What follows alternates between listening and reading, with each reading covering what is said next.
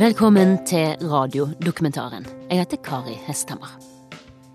20 år gamle Marit Andreassen ble drept av sin tidligere samboer i Asker i 2010. Noen dager før drapet ringer hun politiet og forteller at han har sagt at han skal ta livet av henne. Likevel klarer ingen å stoppe han. Tilbake er ei ni måneder gammel datter som Marit sine foreldre tar ansvar for, og må leve videre for.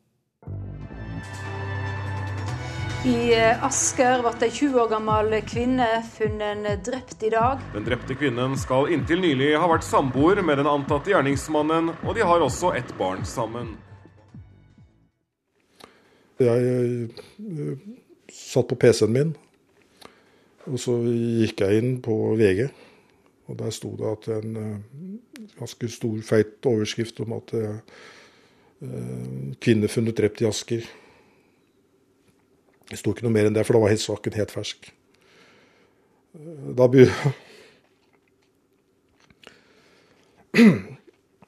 Da begynte jeg å trippe rundt i, i leiligheten her. og Grete begynte også å skjønne at det, det var et eller annet. Hun så at jeg var urolig. Jeg husker ikke hvor lang tid det gikk, men jeg begynte å se ut av vinduene her. Og det var jo rett og slett fordi jeg var redd for at det skulle komme noen biler. Av en eller annen merkelig grunn.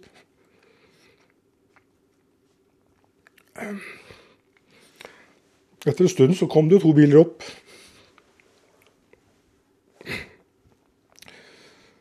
Og vi så dem svingte inn. Vi så dem svingte inn på plassen her, og da Jeg gikk for å åpne, og da først jeg da ser, var jo da åpna døra. Det var jo at presten sto der.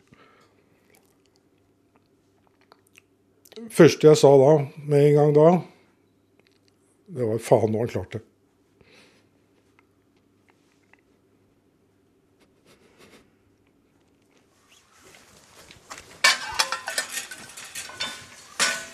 I dag er det bestefar Frode som skal hente familiens minste medlem i barnehagen.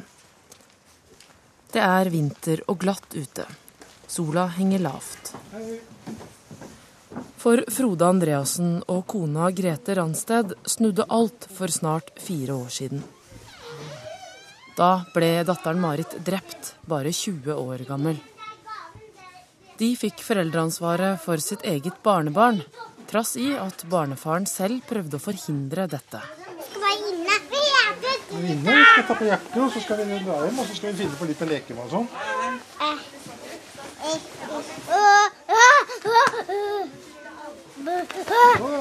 Må du finne jakka di, da.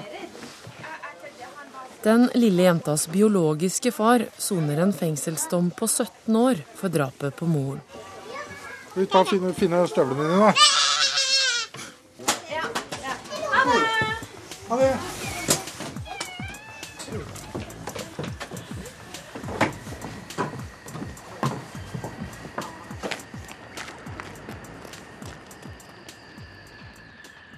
Det som plager oss litt, er jo det at uh, det er jo nå bare et års tid til han kan begynne å søke om de første permisjonene. Og selvfølgelig det største marerittet er jo hvis han skulle ha i tankene at han skulle behøve å ønske å holdt jeg på å si, treffe henne. Selv om han har jo Det ligger et rettsforlik inne på at han ikke skal gjøre det. Men uh, jeg mener når du er i stand til å drepe noen som du heller ikke er lov, så vet man ikke hvor, hvor mye man kan stole på det heller, egentlig. I midten av februar 2010, etter to års samliv, brøt Marit med barnefaren. Hun tok med seg datteren på ni måneder og flyttet hjem til foreldrene Frode og Grete og lillebroren sin igjen. Når ting for alvor begynte å, å, å snu, det var når, når han egentlig fikk en beskjed om at nå er det slutt. Hun sa vel også det, at hun var da eh, fortsatt glad i ham, men hun, eh, hun, hun, kunne ikke lenger. To uker etter dette tar ekssamboeren livet av Marit.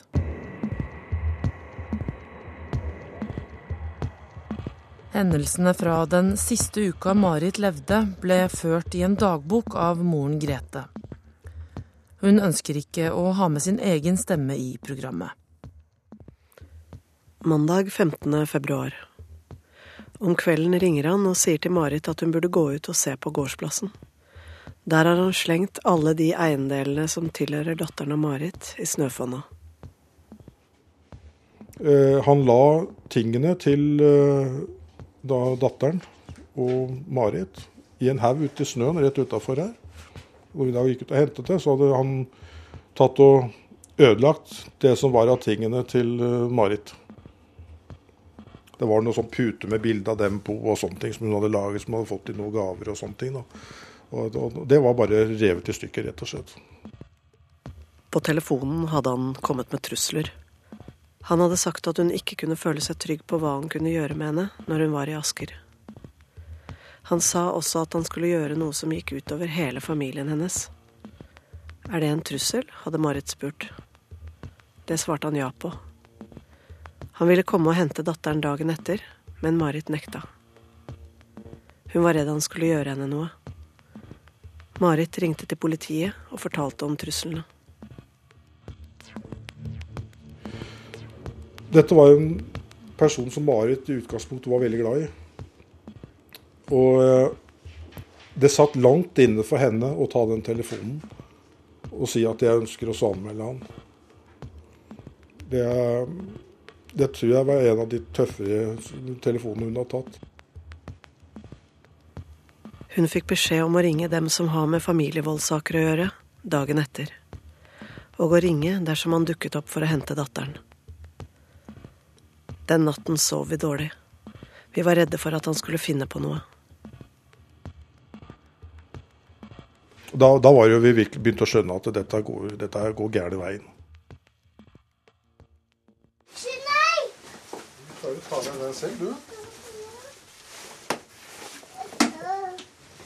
Huset til Frode og Grete ligger i et rolig boligfelt i Heggedal i Asker. Inne er det stort og lyst. På veggene henger barnebilder av Marit og lillebroren hennes. Et barnehagebilde av den smilende, lyshårede fireåringen har kommet opp ved siden av bildene av sin mor og på det lille bordet i gangen ligger det små perla hjerter. En, to, tre, fire. Filme rosa øye. jeg, jeg har en rosa sko! Har du rosa sko? En dør skiller gangen fra resten av huset. Bak den venter Leo, familiens store og selskapssyke labrador. Skal vi slippe udyret løst? Det er litt udyr, det.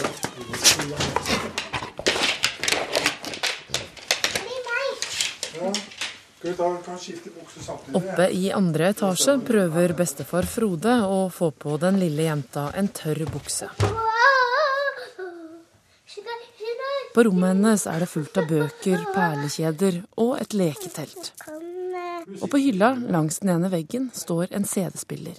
Du setter opp en CD? Ja, det kan vi. Ja. Hva vil du ha for noe? Ja. La oss se på hvordan det prøver.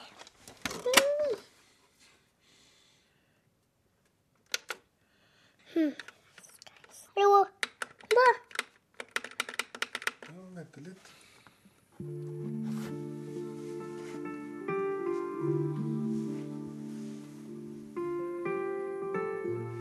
Hmm. Det kommer snart. Svar. Nei!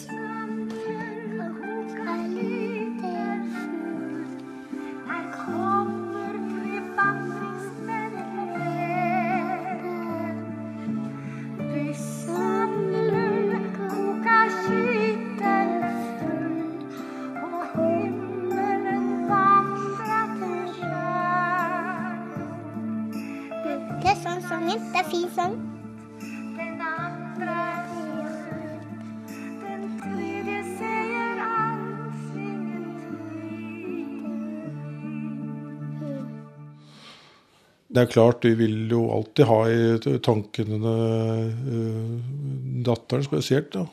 Altså i forhold til hvilken, hvilken frihet skal vi kunne gi henne.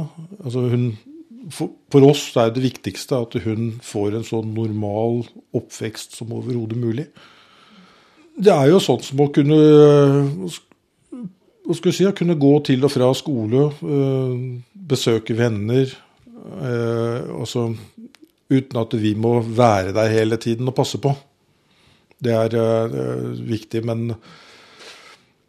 det er veldig lett, tror jeg, å gå i en sånn en felle når man har vært igjennom noe sånt noe, at man, man, Selvfølgelig ønsker man ikke at noe sånt skal skje igjen. Og da har man jo Da er det lett for at man setter større begrensninger og tar fra litt av friheten, da, som man egentlig burde ha.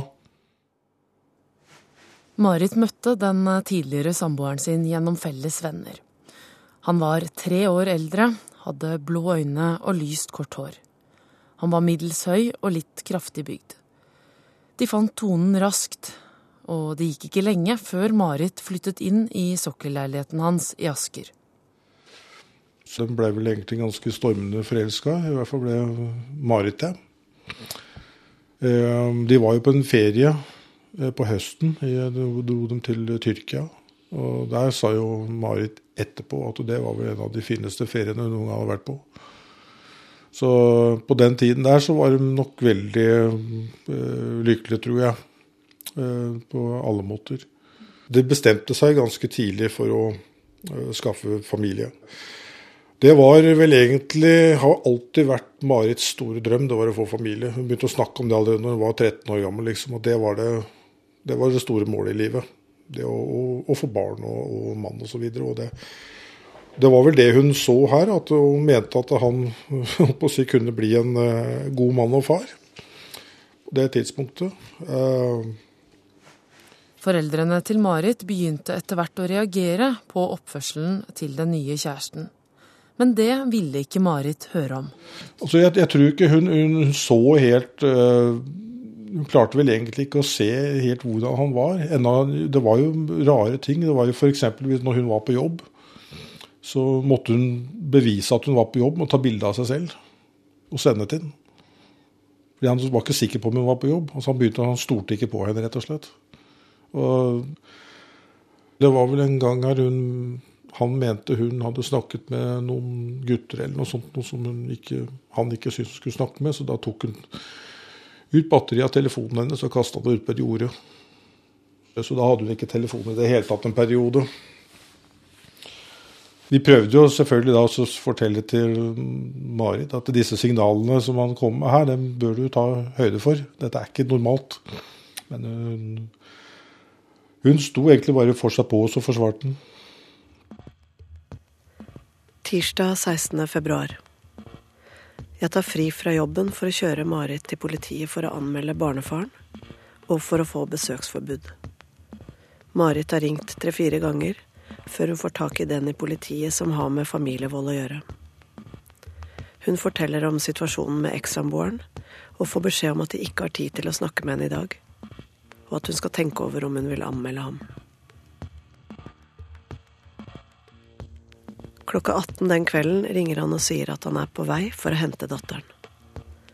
Marit ringer da til politiet, som kommer. De prater begge to med hver sin politibetjent, og blir enige om at det er en god idé å ringe barnevernsvakta. To damer fra barnevernsvakta kommer. Alle fire går opp i loftstuen. Det som da ble gjort, var at eh, barnevernsvakten begynte å lage en avtale der oppe. En, en avtale som gikk på at, ja, hvordan barnefordelingen skulle være mellom dem. Det ble også da gitt beskjed om det at drapsmannen skulle komme og hente datteren eh, klokken tolv dagen etter. Dette var jo da begynt å bli ganske sent på kvelden. Marit kom etter hvert ned og var helt på gråten. Eh, og eh, egentlig helt utslått. På, på grunn av bl.a. denne avtalen. Og hun var jo redd for hva som ville skje når han hentet datteren. Marits foreldre mener hun ble overstyrt av barnefaren i dette møtet. De sier han bl.a. løy om at Marit ikke lot han treffe datteren. Vi, vi hadde i utgangspunktet tillit både til barnevernsvakt og politiet. Det ble jo da den overkjøringen som skjedde av, eh, av, Marit, og det at de ikke ville lytte på oss eh, og høre på det vi, vi faktisk hadde å si, og, og sette da eh, datteren i, etter vårt syn i en livsfare. For det var jo ut ifra hva som hadde skjedd på forkant osv. Det syns vi var veldig ekstremt. Det vil alltid være eh, flere muligheter en, når man kommer hjem til en familie. Maiken Johansen er leder for barnevernsvakta i Asker og Bærum kommune. Hun sier at akutte situasjoner alltid må basere seg på en vurdering der og da. Eh, det er jo sånn det er med sosialt arbeid og barnevernfaglig arbeid. at det er, eh, og, og lovverket vårt er, det er en skjønnslov. Eh, det er klart at det kunne hende at at saker blir løst på en annen måte bare ved at det er andre konsulenter som er til stede. Det oppdager vi jo noen ganger. Vi er uenige om ting. Og vi har ulike innfallsvinkler og ulike måter å løse saker på. Eh, så det å si at eh, dette eh, ikke kunne vært løst på en annen måte, det blir for kategorisk. Så har vi jo et lovverk som gir oss noen rammer ganske tydelige rammer på hva vi har anledning til, og hva vi ikke har anledning til. Eh, men allikevel så, eh, så gir, den, eh, gir barnevernloven oss muligheter til å løse saker på ulikt vis. Så ja, det kunne den. Nei, det kunne den ikke.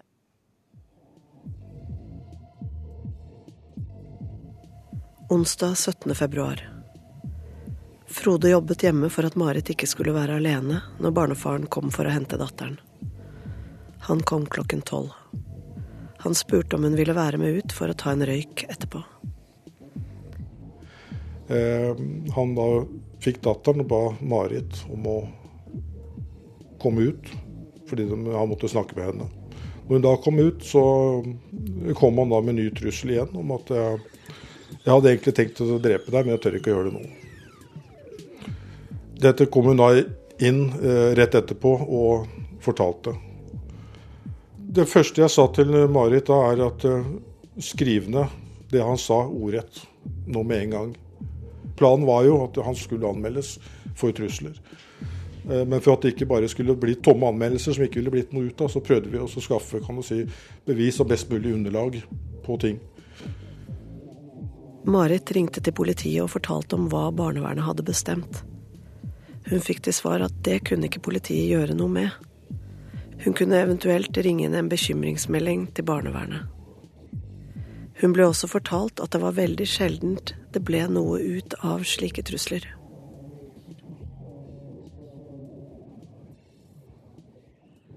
NRK har gått igjennom drapsdommer over en tiårsperiode og sett at en stor del av drapene er begått av personer med en alvorlig psykisk lidelse. Ut ifra dommene viser det seg at i mange av disse psykiatridrapene var det klare drapstrusler mot offeret på forhånd. Drapet på Marit Andreassen var et slikt drap. Torsdag 18. februar. Han ringer Marit igjen litt før klokken 14 og ber henne komme og hente datteren likevel. Egentlig skulle han hatt henne til fredag. På turen hjem var vi svært lettet over å ha datteren hos oss igjen. Marit ringte Frode og fortalte de gode nyhetene. Det var god stemning hos oss den kvelden. Vi snakket om å finne på noe alle sammen den helgen. Gå og bowle eller gå ut og spise pizza. Oi. Uh, dette Nei, var uh, ja, en liten baby. Det var én dag Da var jeg én år. Én dag. Frode har eh, satt sammen en film fra dagen etter at barnebarnet hans ble født. En gang iblant så pleier de to å se på de gamle opptakene sammen. Nå sitter hun på fanget hans foran den bærbare PC-en på kjøkkenbordet. Det er så baby. På skjermen ser vi en fersk ung mor i en sykehusseng. Der er Marit. Der er Marit, ja. Og ved siden av sengen sitter en stolt bestemor og holder den bitte lille nyfødte babyen. Hvem er det du er på armen til der, da? Mamma mi. Ja, Grete, ja. Mm -hmm. ja. Jeg elsker mamma. Mm, det er fint. Vi har snakket med Vi har jo snakket om hva som har skjedd, og at moren hennes er død. Hun har jo vært med på gravplassen flere ganger, lagt på blomster. og det er klart at hver gang, Spesielt når vi er der, så er det hver gang vi er der, så forstår hun mer og mer. Nå er, løper jeg bort dit og skal finne hvor, hvor er graven til Marit, og, og sier at der er Marit. og hun, hun, det går jo gradvis, da. så vi, Det vi har blitt enige om, er det at hvis hun spør om ting, så, så svarer vi. Og da svarer vi helt, helt, ærlig på det hun spør om. Selvfølgelig må man prøve å gjøre det på en måte som hun kan forstå da, eh, hva det dreier seg om. Eh, og, det, og, det, gjelder jo også, eh, også faren. Eh, for det er ikke til å komme fra. Hun, han er jo en del av han er en del av livet hennes, han også. Og vil jo alltid på en måte være der. Så det er viktig at hun vet om det. Eh, jeg har sagt at, eh, at han, eh, at han sitter i fengsel fordi han gjorde noe veldig dumt. Fredag 19. februar. Jeg baker pizza, som vi ofte har på fredager. Det er trivelig stemning. Fredagen den 19. Da var Marit hjemme her i, eh, hos oss i, sammen med en, eh, en, god venn av seg. Eh, og vi skulle ha vår vanlige fredagsmiddag med hjemmelaget pizza. Marit var i veldig godt humør.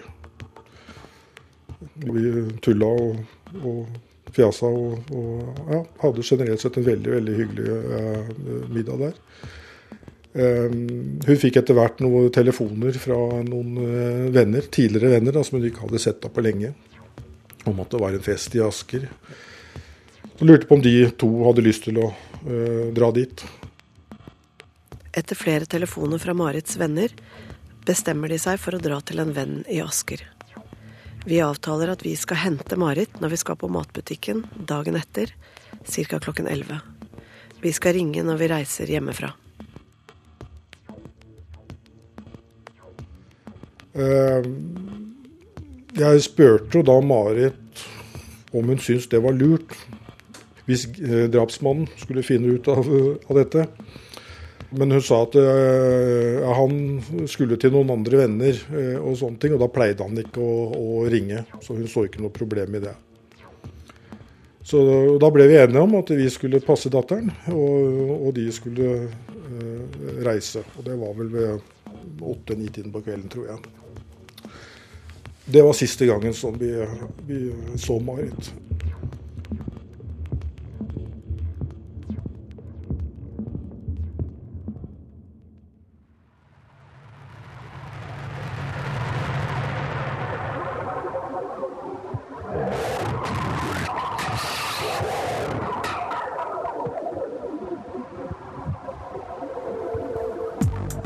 Lørdag 20. februar.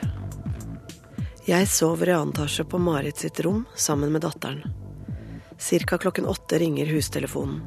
Jeg våkner og løper bort. Det er han. Er Marit hjemme? spør han. Nei, svarer jeg. Han snakker om at han vil lage en ny avtale om datteren. Før han avslutter samtalen brått, sier det er noe han må gjøre. Det var en ubehagelig samtale. Jeg forsøkte å ringe Marit før vi skulle på butikken, men ingen tar telefonen. Forsøkte flere ganger. Frode ringte også. Vi dro på Rema 1000. Frode og datteren ventet i bilen. Da begynte vi for alvor å lure på om nå, er det, nå må være noe gærent. Vi, vi forsøkte å ringe henne igjen, fikk fortsatt ikke noe svar. Jeg ble stadig mer bekymra. Særlig da jeg kom ut av butikken og Frode fremdeles ikke hadde hørt noe fra Marit. Jeg vet ikke hvor mange ganger jeg forsøkte å ringe. Vi kjørte hjem. Jeg ble etter hvert sikker på at noe hadde skjedd Marit. Hun brøt aldri avtaler om å ringe. Frode ringte rundt til alle vennene hennes. Jeg så for meg det verste.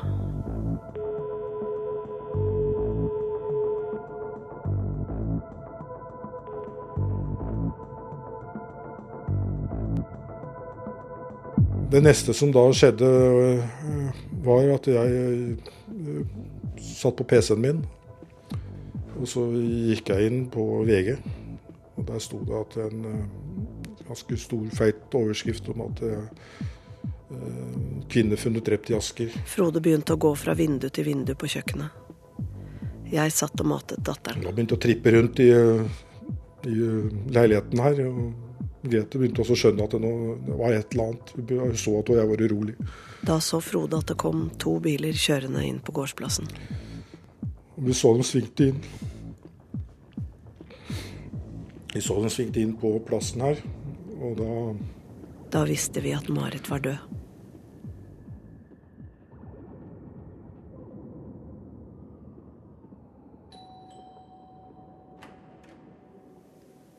Jeg gikk ut i stuen. Presten og to politifolk, en mann og en kvinne, kom inn i stua. Da gikk jeg og prøvde jo sånne hva skal du si, de typiske hverdagslige tingene. Prøvde å sette på kaffe. Og sånne ting. Men det Marit er død, sa politikvinnen. Det ble liksom sånn at du begynte å sette den på, og så bare plutselig så knakk beina sammen. Frode var helt fra seg, og satte seg etter hvert og hulket høyt i sofaen. Jeg klarte ikke gråte, men syntes veldig synd på Frode.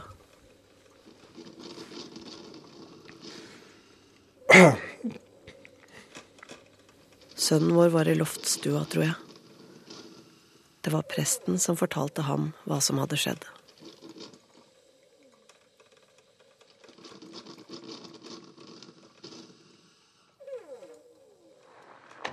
Det var i tolvtiden i dag at politi og ambulanse rykket ut til bolighuset på Sem i Asker. Utenfor åstedet sto det flere ambulanser og politibiler. Drapet har skjedd i hybelleiligheten Marit flyttet fra bare to uker før. Denne morgenen hadde drapsmannen lurt henne dit igjen, under påskudd av at de skulle snakke om datteren. Det var en kald dag, rundt ti kuldegrader og mye snø. Bak sperrebåndene inne i leiligheten jobbet teknikerne for å sikre bevis. Politiet rykket ut eh, til stedet bevæpnet, ettersom vi ikke hadde opplysninger om Etter eh, det NRK kjenner til, tror politiet at et samlivsbrudd var motivet. Sammen. Barnet var ikke til stede i huset da moren ble drept. Når vi fikk den beskjeden om at uh, Marit var drept, så var det egentlig Det var aldri diskusjon. Det var aldri spørsmål egentlig om hva gjør vi med datteren. Det var helt naturlig. Og jeg tror vel hun på mange måter uh, redda oss. Og faktisk så var det sånn at den første natta etterpå så uh, flytta vi barnesengen til, uh, til datteren ned på soverommet vårt. Sønnen vår tok med seg madrassen sin, og så sov alle sammen på samme soverommet den natta. Hun var ni måneder gammel. Jeg husker godt når hun satt i lekegrinda inne i stua her. Presten og politiet og disse satt i sofaen, og der, der sto hun og glisa fra øre til øre dagen etterpå. Man kunne jo ikke annet enn å smile av det sjøl.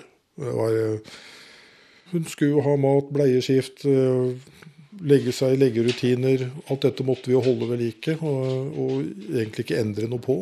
Det var veldig viktig for oss. og det, det gjorde at vi fikk jo Hun ble jo hele fokuset. Men vi kunne aldri gå i kjelleren pga. henne. Så, og, og det gjorde vi med at vi måtte støtte, støtte, hverandre så godt det lot seg gjøre. Vi var nødt til å, å på en måte se framover. Det verste som kunne skjedd på det tidspunktet der, var at hvis noen hadde kommet og tatt fra oss henne, da hadde alt rast totalt. Både barnevernsvakta og politiet i Asker og Bærum sier de gikk igjennom rutinene sine i etterkant. Men ingen ser at det har vært gjort noe direkte feil. Maiken Johansen ved barnevernsvakta sier saken likevel gikk inn på dem. Vi, vi, blir jo berørt av saker som har et utfall som, som dette. Selvfølgelig gjør det det. Barnevernsvakten er jo i kontakt med så utrolig mange forskjellige typer saker. Og det som er fellesnevneren med dem, er at vi ofte ikke får forberedt oss i veldig stor grad før vi kommer. Derfor er det viktig at vi i etterkant snakker oss gjennom det, sånn at vi kan se er det, kunne vi gjort dette på en annen måte. Skal vi utvikle vårt faglige skjønn på en annet vis? Så mm, ja, vi jobber med det i etterkant. Men å bruke ordet beklage blir jo så vanskelig, fordi da liksom sier man at vi har, gjort, vi har gjort noe feil, det skal vi aldri gjøre igjen. Det kan jeg aldri love. Jeg kan aldri love at ikke vi kommer til å opptre på samme måte to ganger. Eh, fordi eh, vi er mennesker, og vi eh, utøver et faglig skjønn. Og noen ganger så løser vi det på denne måten, og noen ganger løser vi det på en annen måte. Og det ene Ja, sånn må det være. Faktisk. Nina Bjørlo leder kriminalavdelingen ved Asker og Bærum politidistrikt. Hun gikk gjennom saken i ettertid. Uh, Ut ifra den vurderinga som, som, jeg har gjort, uh, så ser jeg ikke at vi kunne gjort så mye mer for å, for å, forhindre det. Men samtidig som jeg også sier det, og er ganske ydmyk, at vi hele tida har forbedringspotensialet. Men der og da, ut ifra den informasjonen som både politioperatøren mottok, og den aktuelle politietterforskeren, så, så eh, er det ikke noe som sier at vi, vi, skulle ha reagert eh, eller agert på annen måte. Og det kan hele tida eh, være slik at man kunne ha gjort ting annerledes. At man kanskje burde ha agert eh, umiddelbart. Men på det tidspunktet så var det ikke Eh, kan du si, eh, grad av alvorlighet som tilsa at, eh, at vi skulle få melding om et drap. Offeret her i dette tilfellet var, bodde i trygge omgivelser hos sine foreldre, og vurderinga ble, ble gjort. Frode Andreassen skulle ønske at varselsystemene fungerte annerledes når man først tok kontakt. Jeg sammenligner det litt som eh, et brannvesen. Altså hvis de får en brannalarm, og de ikke får verifisert at det er en falsk alarm, så tar de utgangspunkt i at det er reelt. Og, og, jeg mener at hvis et sånn et familievoldkontor skal kunne fungere, så må de jobbe på samme måten. Og, eh, men vi bebreider ikke andre enn han for det som eh, skjedde. Det, er, det syns jeg er viktig å poengtere.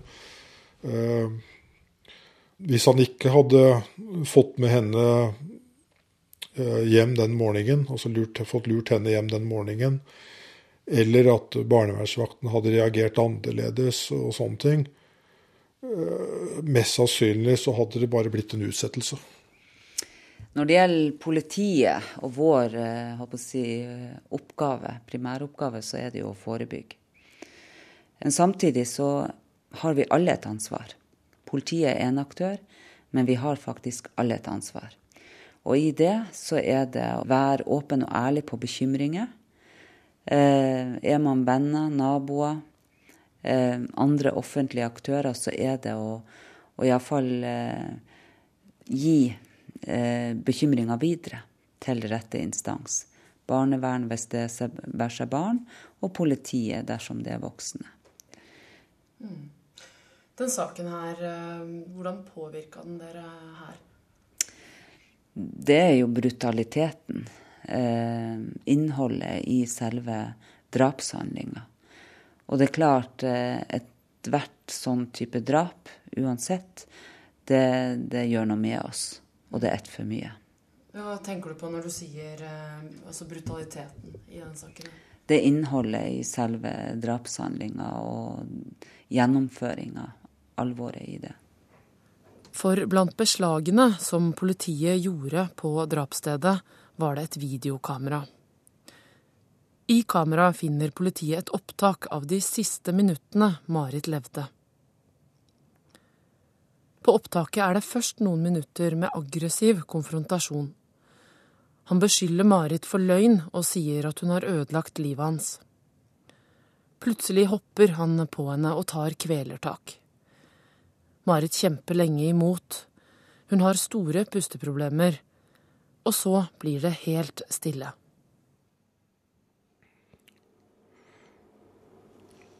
Um, og det er jo klart at det som stikker litt, er jo det at han hadde jo så lang tid på å ombestemme seg. Altså, hvis man bruker si, kniv eller skytevåpen, og sånne ting, så skjer ting fort og hurtig, og du kan liksom ikke angre på det. Og Så vidt jeg husker, så tok vel hele den seansen ca. 17 minutter. Det er lang tid. Han stoppet jo opp underveis, sjekket puls. Han hadde 17 minutter å angre på. Frode har aldri sett filmen selv. Men den ble vist under rettssaken noen måneder senere, der drapsmannen ble dømt til 17 år i fengsel. Han får diagnosen dyssosiale personlighetsforstyrrelser med narsissistiske trekk.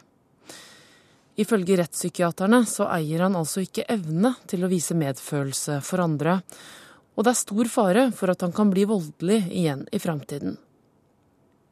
Gjerningsmannen ønsket heller at datteren skulle bo i fosterhjem, enn at Marits foreldre fikk omsorgen.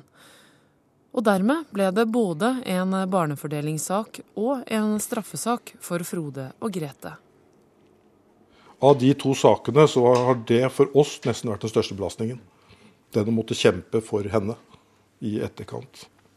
Og det har jo også vært litt det som er jeg føler liksom vanskelig i forhold til dette med å At du har da en som da sitter inne i varetekt, uh, og som har innrømmet holdt jeg på å si, skyld og alt mulig rart, og allikevel da kan f.eks. true oss med stevning i forhold til fordi han ikke får treffe sin datter.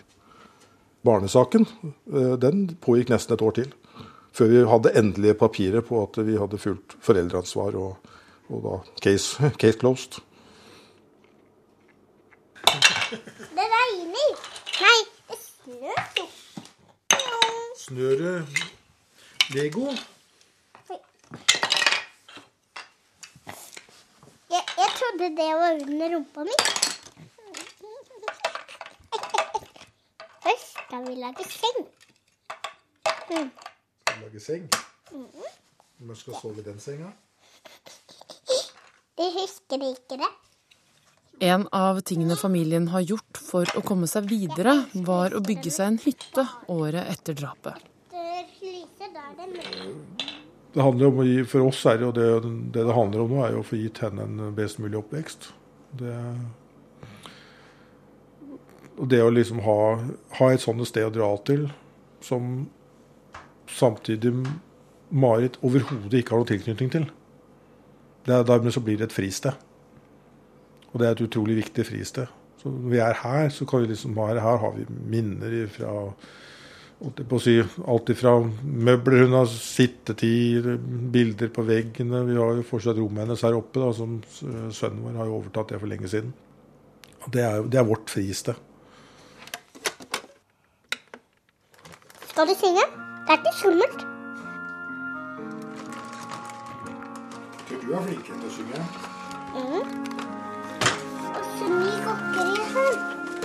var kjærlighet. Rester fra halloween. Kan man hvordan man kan åpne det? Jeg vil. Skal du ha godteri nå? Nei. Jo, jeg vil. Det er fredag tidlig ettermiddag. Frode har hentet den yngste i barnehagen og snart kommer kona Grete og sønnen deres hjem.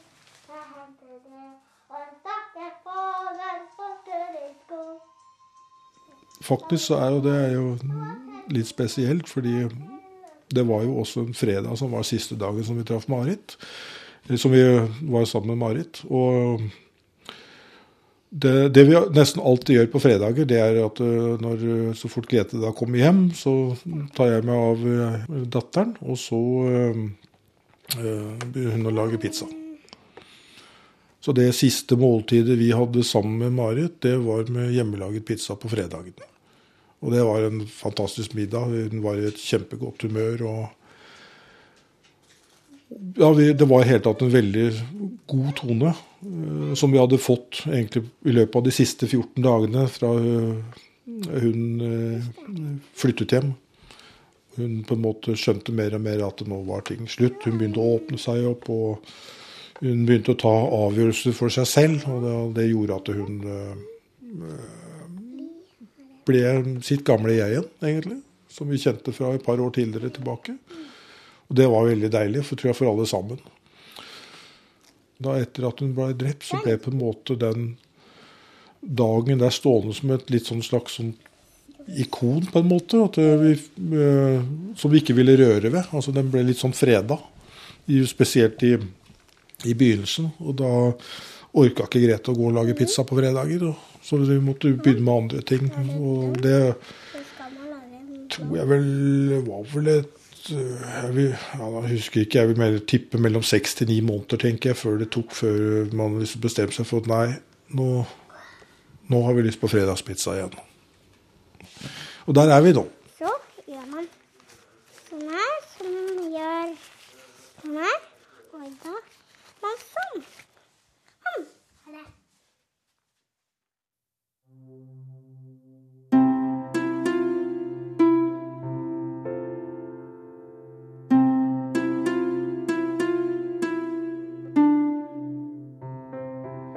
Du har hørt Fra bestefar til far, en radiodokumentar om å overleve et drap.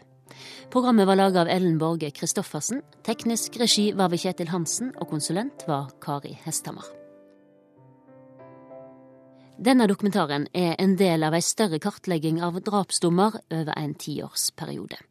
NRK setter i kommende uke fokus på psykiatri og drap gjennom ei rekke nettsaker og nyhetsinnslag.